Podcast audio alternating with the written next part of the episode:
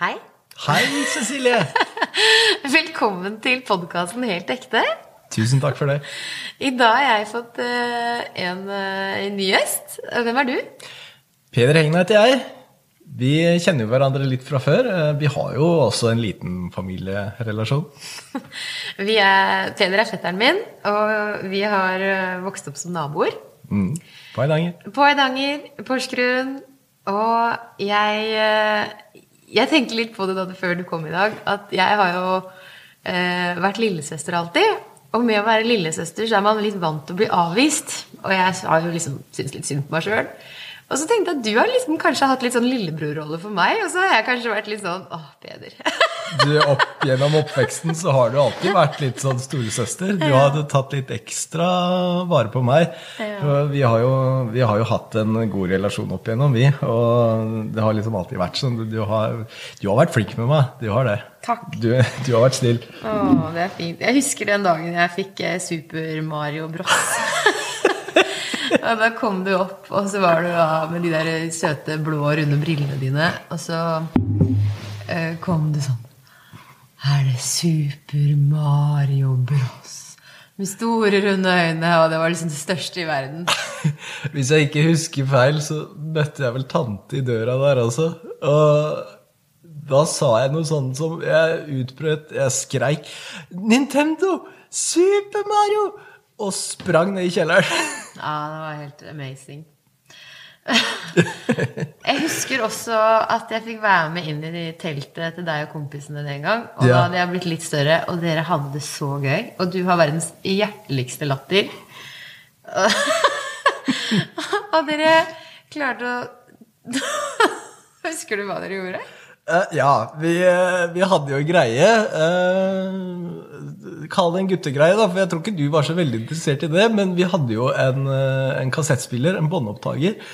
Og vi syntes jo det var hysterisk morsomt å ta opp uh, fiselyder.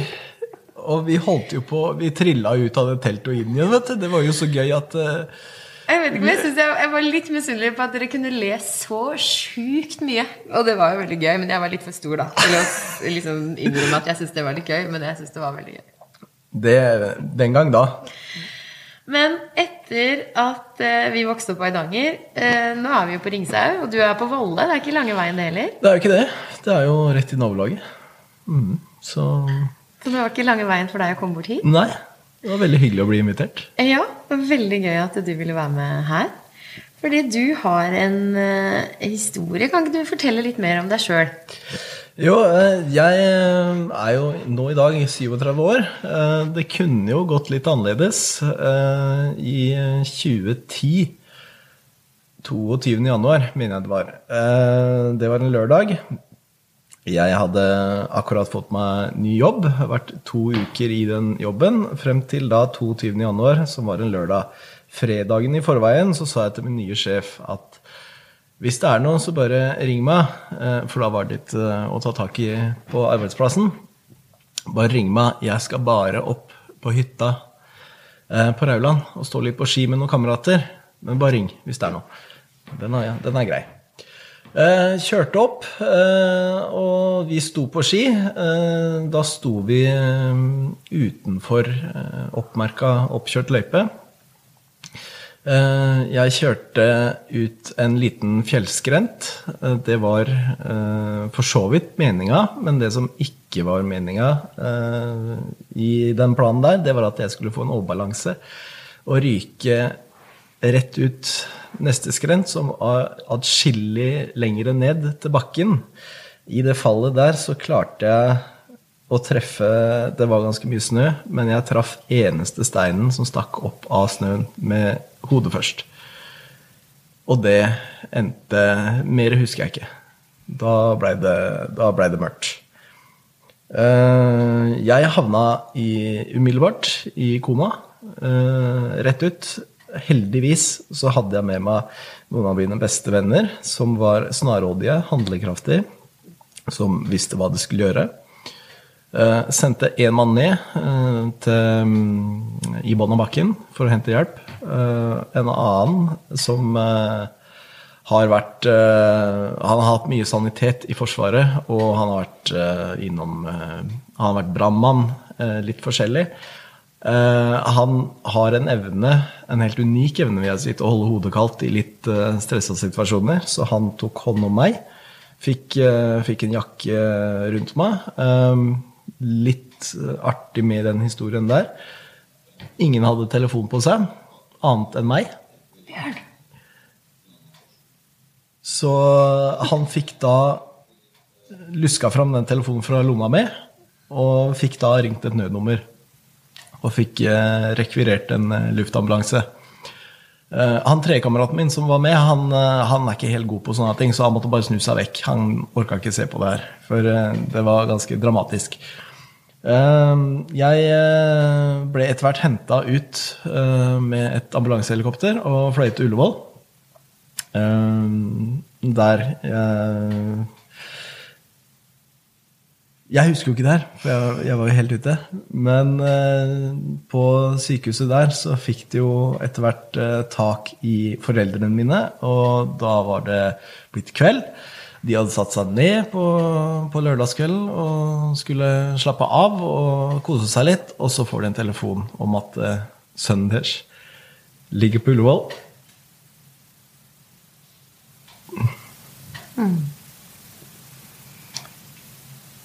Det er litt vanskelig å fortelle om akkurat det her.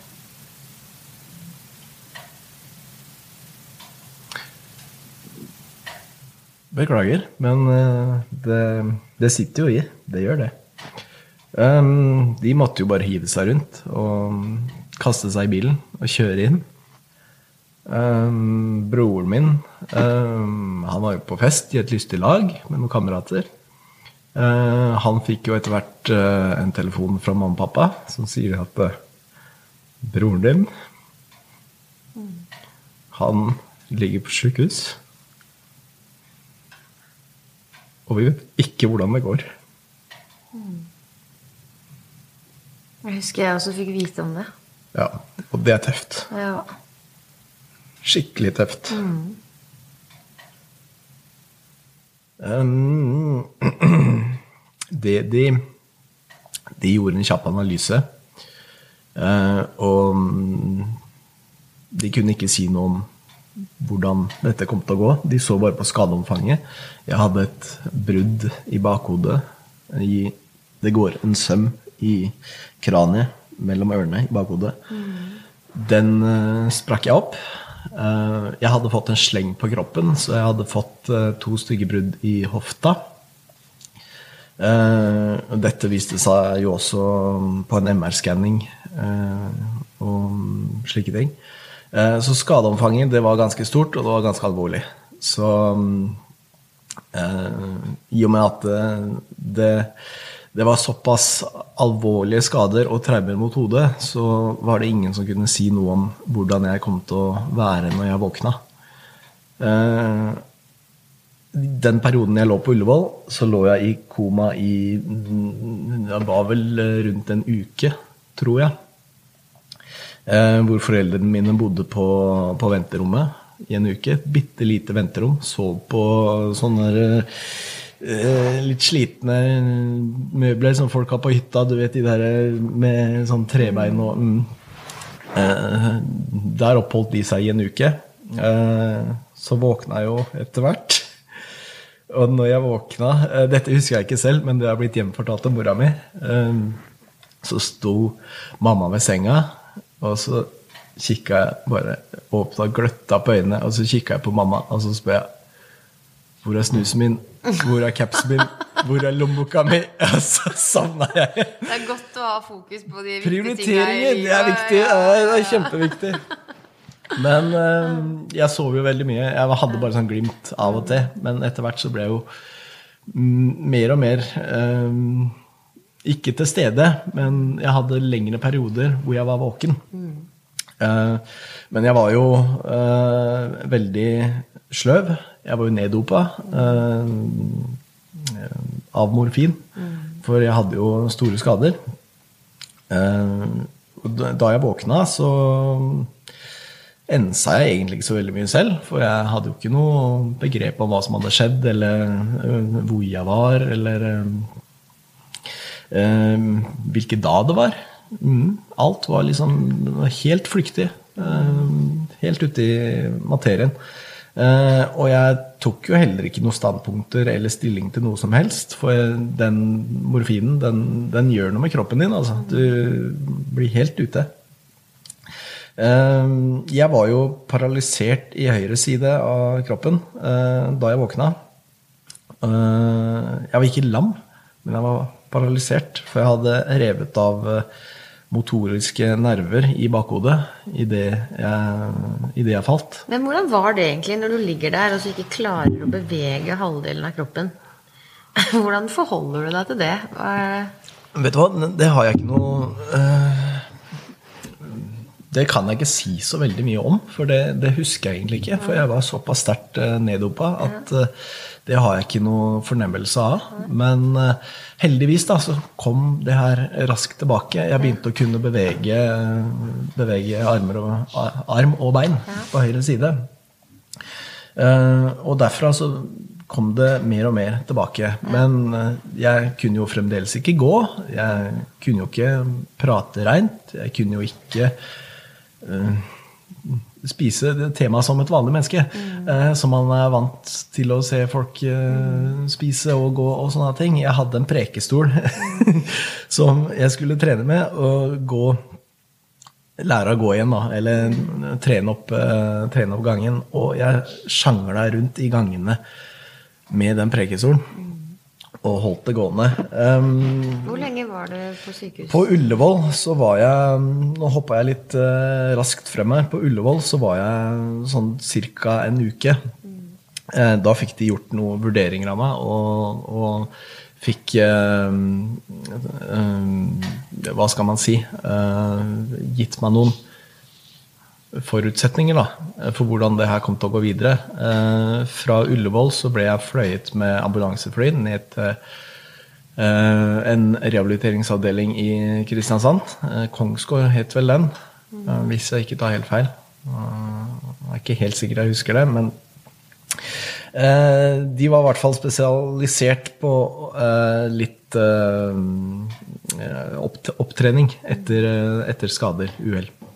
Sa de da hva, de, hva, du kunne forvente deg, eller visste de at det kom de, til å gå så bra? De ga vel et røft estimat og et tidsperspektiv. Men mm. det var ingen som kunne uh, ha noe fasitsvar på hvor lang tid det her ville ta. Uh, jeg husker fremdeles ikke så veldig mye av akkurat den ankomsten, for jeg var jo fremdeles uh, dopa ned. mulig at dosen av morfin var eh, redusert noe. For jeg husker jeg hadde en liten samtale med overlegen der. Og jeg husker noen av sykepleierne som sto ved senga mi da jeg kom ned og ble trilla inn på et rom. Uh, og da er vi der at uh, da, liksom, da, skulle jeg begynne å trenes opp og, og komme meg igjen. Og, og begynne å fungere. Det var jo Det gikk jo litt uh, Det var litt shaky i starten. Uh, som jeg var inne på, det med prekestolen i gangene, hvor jeg skulle lære å gå og slike ting. Det gikk jo ikke så bra, for jeg var jo innatt alle vegger og sikksakk og fram og tilbake og kjørte ned det ene og det andre. Og bare, det var bare kløning, ikke sant? Men jeg skulle gå. Jeg skulle Jeg måtte jo prøve. Men det var jo også eh, I og med at eh, jeg var så sterkt medisinert, så eh, jeg skjønte ikke alvoret. Jeg tok det ikke innover meg. Og det festa seg ikke helt, på en måte. Jeg skjønte liksom ikke helt hva jeg sto oppi. Før etter hvert så hadde jo overlegen der nede Han var jo i tett dialog med mamma og pappa og fortalte hvordan det gikk, og hvordan det så ut. Eh, fortalte litt om forutsetninger, eh, hvordan det her kunne gå. Og litt sånn forskjellig utfall av det her, hvordan dette kunne bli. Og de, var jo litt i tvil, da, i og med at eh, jeg prata veldig eh, adekvat. Jeg var ikke klar i det jeg prøvde å formidle. Jeg svarte ikke på de spørsmålene jeg fikk. Jeg var, virka som jeg var et helt annet sted. Det var jo også noe med øynene dine, var det ikke det? Jo da. Eh, Det var i og med at eh, jeg eh, dro av noen nerver i, i hodet, eh, så var det også en del motoriske nervebaner til høyre øyet mitt som røyk. Så jeg, jeg kunne ikke lenger kontrollere eller styre høyre øye. Det bare hang ned i um, høyre side av, av um, øyehulen. Så jeg hadde syn, men um, jeg kunne ikke kontrollere øyet. Så det så jo ikke helt bra ut, eh, det heller. Det var jo eh, det- Det var jo igjen da en ting som jeg ikke brydde meg om. For jeg, jeg, jeg, var- Du var jeg egentlig var ganske ikke- positiv hele veien. Du fikk ikke helt med meg Vedda, liksom, at alle var så nervøse og redde. Og... Ja, nei, det, det, jeg ensa det ikke. Jeg fikk det ikke med meg i det hele tatt. Jeg var jo dønn rusa hele veien og skjønte ingenting.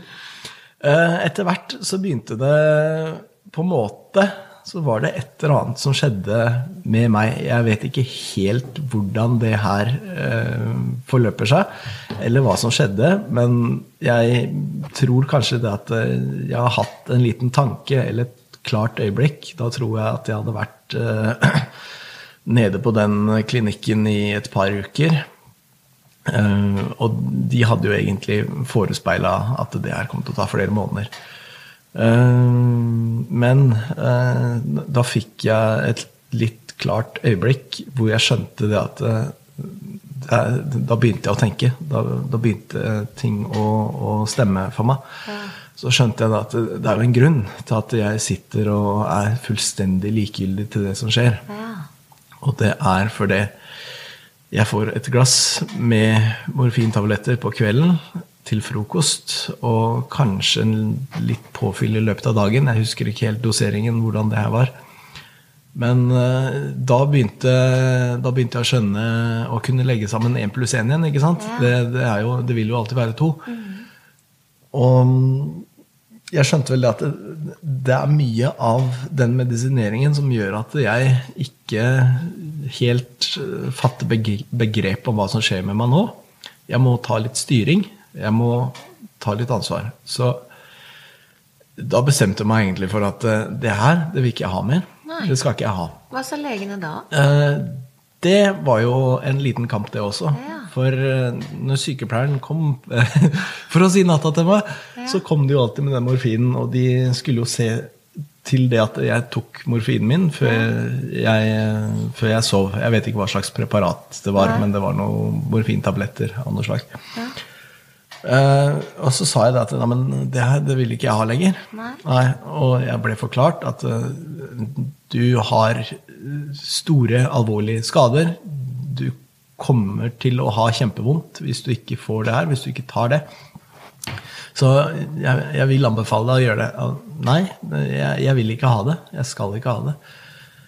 Uh, Dette ble jo da igjen tatt opp fra sykepleier sin side, opp mot overlege, eh, som jeg også måtte ha en diskusjon med. Han måtte da prøve å snakke meg til litt fornuft. Det er ikke alltid det letteste. Så sier han da at eh, du må ha det her. Mm. Ellers, så, ellers så kommer det til å bli litt Det er en opplagt sannhet, da. At du, det funker ikke uten. Det er noen som er så overbevist. ja. Fikk du det som du ville? Ja, jeg gjorde jo det. Eh, Det ble en liten diskusjon, og det, han sa vel det at ja vel, vi får prøve, så får vi se hvordan det går. Du skal få lov til å prøve. Og eh, derfra og ut så mener jeg fast bestemt på at da var det bare Paracet. Ja. Jeg fikk et glass med Paracet. Såpass ålreit var han eh, overlegen. Eh, Rein Knopp, tror jeg navnet var. Eh, veldig, veldig fin eh, type. Ja. Veldig ålreit kar. Um, det gjorde jo vondt. Han hadde jo helt rett. Var det så sta at du ville ikke innrømme at du ville ha noe mer morfin? Mm, Nei, jeg tror ikke jeg fikk noe mer morfin etter det. Jeg, Men Var det lettere å ta kontroll som du hadde tenkt, da? Eller klarte du å Det er nettopp det, for da hadde det begynt å skje Da hadde jeg begynt å fungere litt igjen. Da begynte det å gå opp for meg, og da fikk jeg forklart hva som hadde skjedd. Og da begynte jeg å skjønne alvoret av det. Da gikk det opp for meg at eh, ok, det her er ikke noe Det er ikke noe kimse av. Tenkte du på jobben og tenkte du på sånne ting da, eller? Hele tida. Ja. Eh, Jeg var liksom Det var noe Jeg var relativt nyutdanna på det tidspunktet her. Jeg hadde akkurat fått meg min eh, første nye jobb Ja. som relaterte til utdannelsen min. ikke sant? Så jeg var jo overgira på det der. Og eh, det har, det har egentlig hjulpet meg, det også. For det er en av de tingene som jeg da hadde som, å kjempe for. Å komme tilbake til. For det at jeg begynte å skjønne ting, at eh, alvoret gikk opp for meg. At eh, ok, her, her må vi gjøre noe. Jeg, her, her kan ikke jeg sitte. Jeg må tilbake. Jeg må finne jeg må finne et eller annet som gjør at jeg kan komme tilbake raskest mulig, så fort som mulig. Og da, da gikk det noen dager, men eh, det, den perioden der, det tidsrommet der, da bestemte jeg meg at eh, ok, skal det her funke, så må jeg gjøre en innsats sjøl. Så det eneste jeg gjorde derfra ut mens jeg var på den rehabiliteringsklinikken, det var jeg spiste og jeg sov. Jeg hadde fremdeles behov for ganske mye søvn. eh, gitt skadene jeg hadde. Og jeg trente. Og jeg trente. Og jeg trente hele tida. Trente, trente, trente. Fikk øvelser av fysioterapeut, ergoterapeuter som hjalp meg hele veien, som fulgte meg opp. Eh, Så sa du at ok, hvis du får til det her nå i dag, hvis du klarer det, hvis du gjennomfører det, kjempebra. Eh, Det var jo ikke nok, det. Jeg gjennomførte. Ok, veldig bra. Da var det kanskje tid for litt mat, eller noe sånt, og så var det på agendaen så var det 'slapp av på kvelden, ta det litt rolig'. Og så, nei. Du smugtrente? kunne ikke det. Jeg måtte, jeg måtte inn på treningsrommet igjen, og jeg måtte trene. For eh, det, jeg kunne jo ikke bare ligge der, og hva er det godt for, liksom? Det skjer jo ikke noe da. Så da trente jeg på kveldstid. Jeg sov. Opp igjen, spise frokost. Eh, Det var jo et program. Jeg ble fulgt opp på dagtid når eh, det var aktivitet eh, på avdelingen. Og jeg hadde jo et uh, veldig godt program. Det var jo også masse tester som jeg skulle gjennom. Altså, de måtte jo teste motoriske evner, uh, logiske evner, bare for å se at alt var på plass. Men du ble litt utålmodig, da? Jeg ble veldig utålmodig. En, en liten eh, digresjon her. Det var jo når jeg kom ned der, så utførte de også en del tester. Eh, eh, og det var jo en eh, hva, hva, heter det? Psykomotorisk Et eller annet. Ja, noe sånt. Som eh, evaluerer deg, hvordan du fungerer, hvordan du responderer, hvordan du svarer på ting. Og altså alle disse, eh, disse evnene, disse tingene som eh, vanligvis eh, er veldig Det er så tatt så for gitt, ikke Ja. sant? At eh, folk kan uh, Det te seg naturlig, svarer på ting. Altså ting kommer automatisk. Uh, jeg ble testa litt på hvordan jeg fungerte når jeg kom ned. Uh, og de noterte seg det, og dette ble jo igjen tatt opp i et evalueringsmøte av denne personen som hadde evaluert meg på det tidspunktet der. Eh, Det var et møte med meg, mamma var der, pappa var der, og overlegen.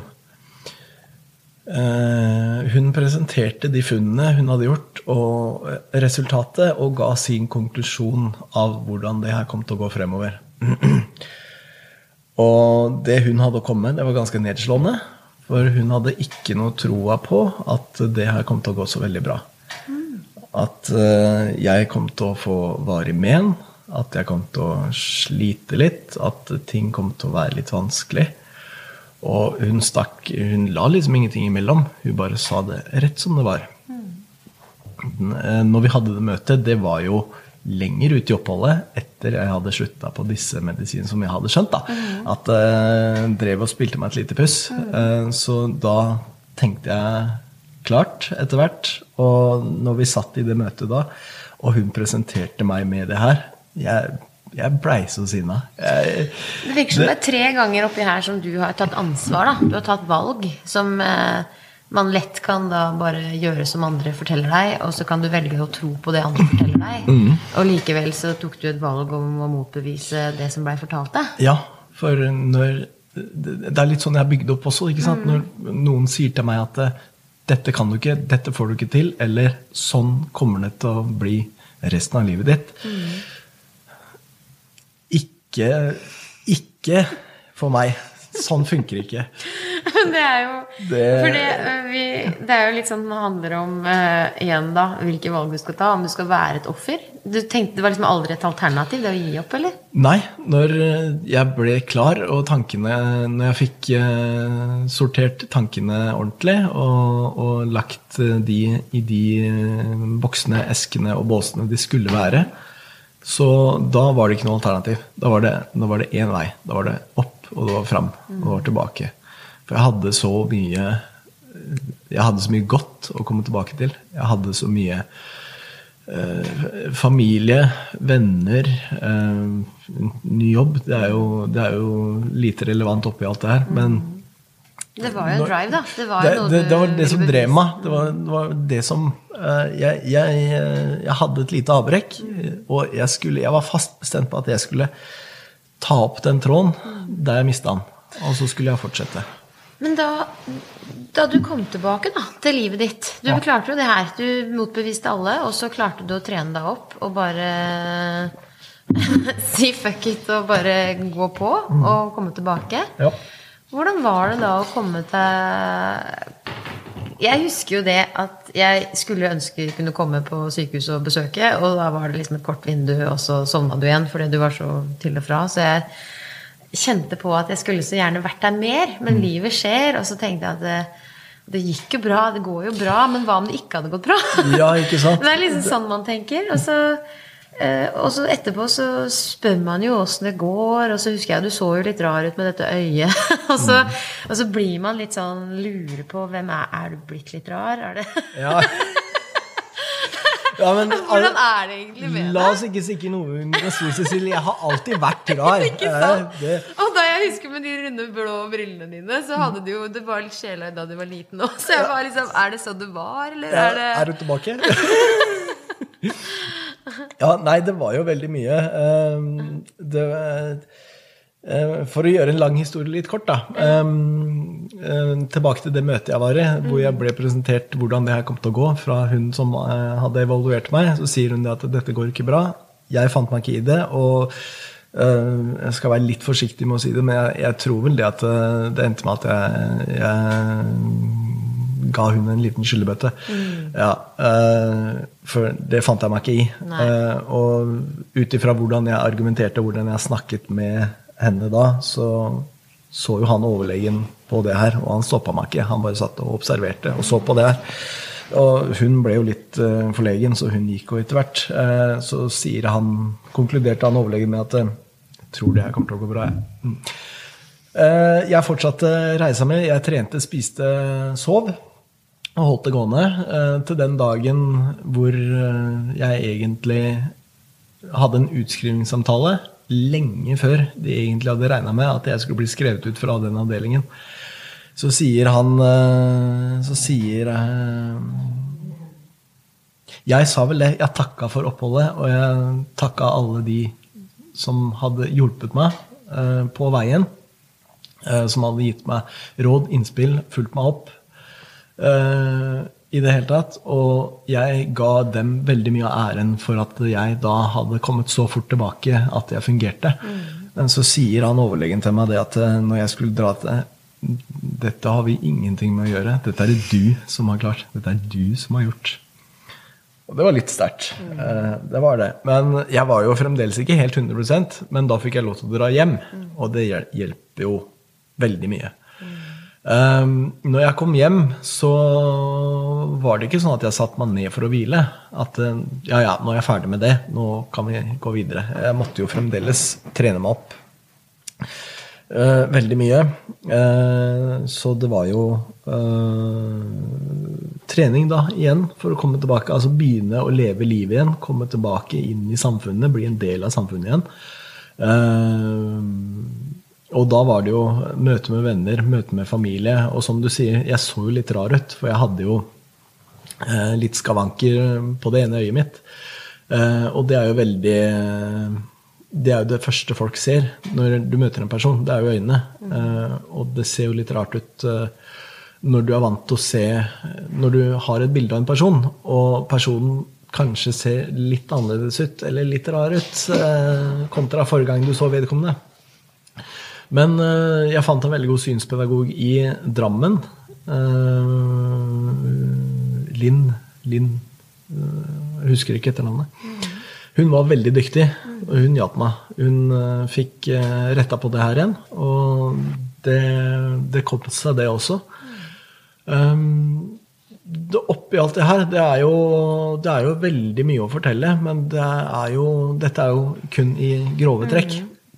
Men eh, det som blir neste utfordring, det er eh, når du har vært gjennom noe slikt, så har jo de fleste i din omgangskrets eh, De har jo hørt om det, om hva som har skjedd. Og da har de nødvendigvis ikke hørt det direkte fra den det gjelder, det vil være seg meg i dette tilfellet, og fått historien presentert slik jeg opplevde det. Og da blir det litt sånn hvordan, hvordan, skal vi tilnærme oss det her? For det er jo selvfølgelig Det ligger jo i lufta hele tiden. Det er jo noe folk vil spørre om, vil snakke om. Men For å hjelpe andre, da, for å være en god pårørende, hva, hva ville du helst at folk gjorde? for mitt vedkommende så Jeg fant veldig mye terapi i at folk spurte. At jeg kunne prate om det. At eh, det ikke var noe som forble ved meg, og at jeg lukka det inni en Dypt, dypt inni meg selv, låste døra, kasta nøkkelen. Mm. Det hadde det ikke kommet noe godt ut av. Det var veldig terapeutisk eh, for meg å kunne prate om det. Og at folk spurte meg hvordan har du det, hvordan går det? Og at jeg kunne svare på det. At, eh, at, jeg i det hele tatt var så heldig at jeg kunne stå der på mine egne to bein. At jeg fungerte. At jeg kunne svare fra mitt perspektiv, mitt ståsted. Jo, nå skal du høre her. Og det mm, var Først, til å begynne med, så var det litt vanskelig. Da var det hva skal jeg fortelle, hvor mye skal jeg fortelle? Hvor mye har de interesse av å høre om det her? Uh, folk vil jo vite alt. Mm. Og det tar jo veldig lang tid å fortelle, for det er jo ikke gjort på fem minutter. Det er jo, det er jo ganske mange eh, aspekter her som kan eh, belyses. Eh, men uh, det at Først og fremst så er de jo interessert i hvordan det går med meg. Hvordan de ser at jeg står, jeg går, jeg fungerer. Men hvordan er det oppi hodet? Han har jo slått hodet sitt. Hvordan fungerer du mentalt? Hvordan er psyken? Hvordan er Ja, er du som du var før? Kjenner vi deg igjen? Men uh, heldigvis så var jo det tvil som raskt ble feid av banen når jeg begynte å prate med folk.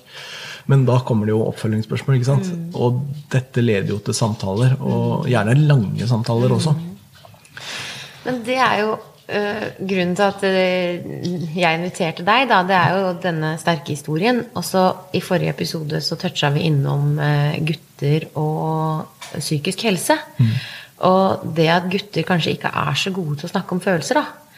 Men akkurat i dag så har jo du vært eh, vist at du er så i kontakt med dine følelser. Sånn som da du fortalte om eh, mammaen og pappaen din og broren din da de fikk høre om dette her, og hvordan du tydelig eh, blir rørt og kjenner Preget, på sorgen. ikke sant? Mm. Du kjenner på sorgen, og så lar du sorgen komme til. Mm.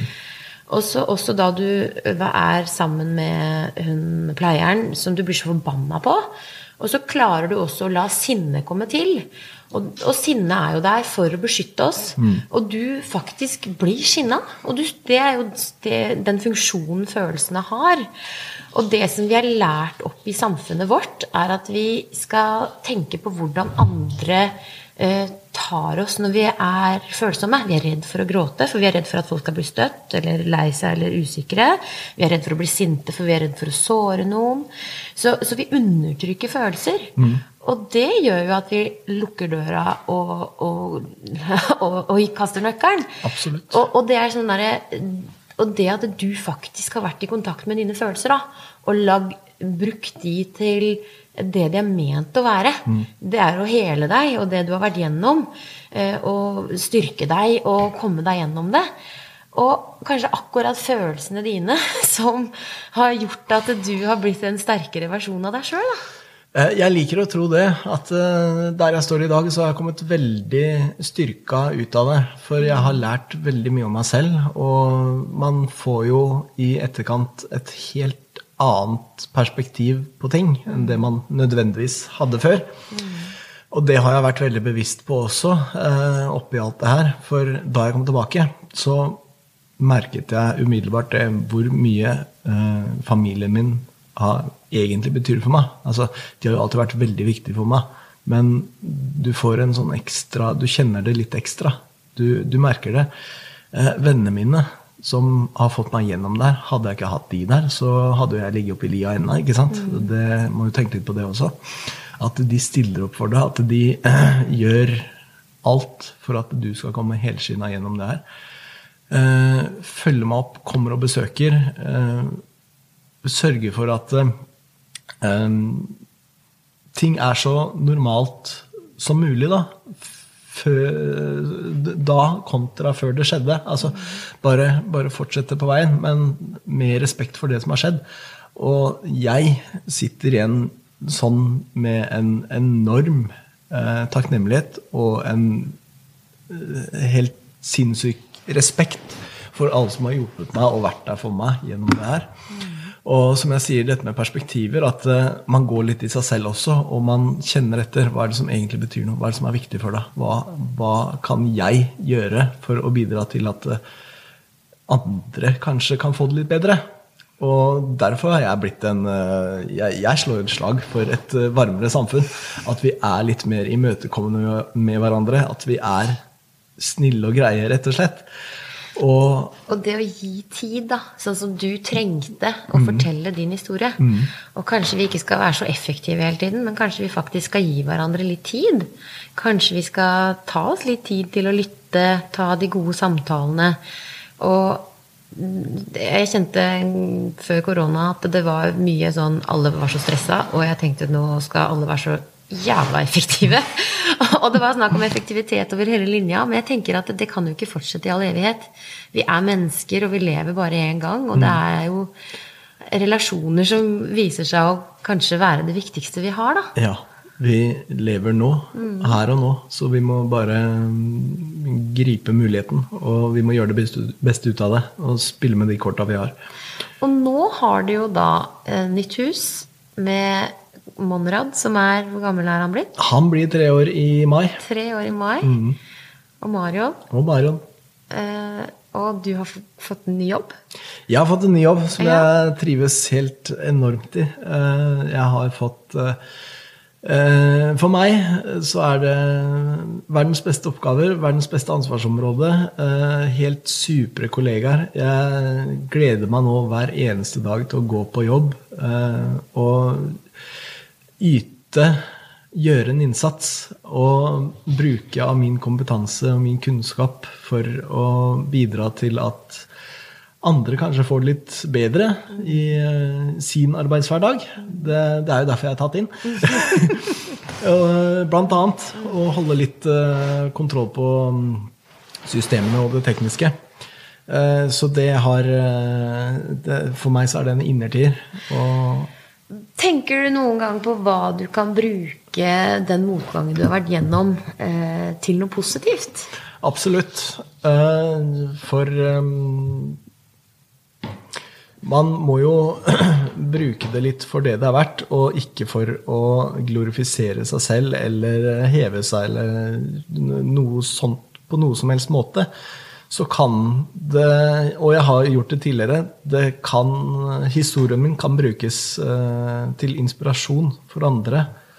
eh, for å finne motivasjonen, for å finne, finne noe i seg sjøl som de kanskje ikke visste om var der, eller var klar over, eller kanskje aldri de har vært toucha innom før. At de får frem sider av seg selv som de ikke visste var iboende. Eh, og det å bidra med eh, noen motiverende ord og en, eh, en historie på siden som kanskje kan være med på å løfte folk opp og fram og dytte litt og hjelpe de framover. For meg så er det veldig givende eh, personlig, men kanskje også for den andre som da er mottaker av eh, Som hører på denne historien her, og hører eh,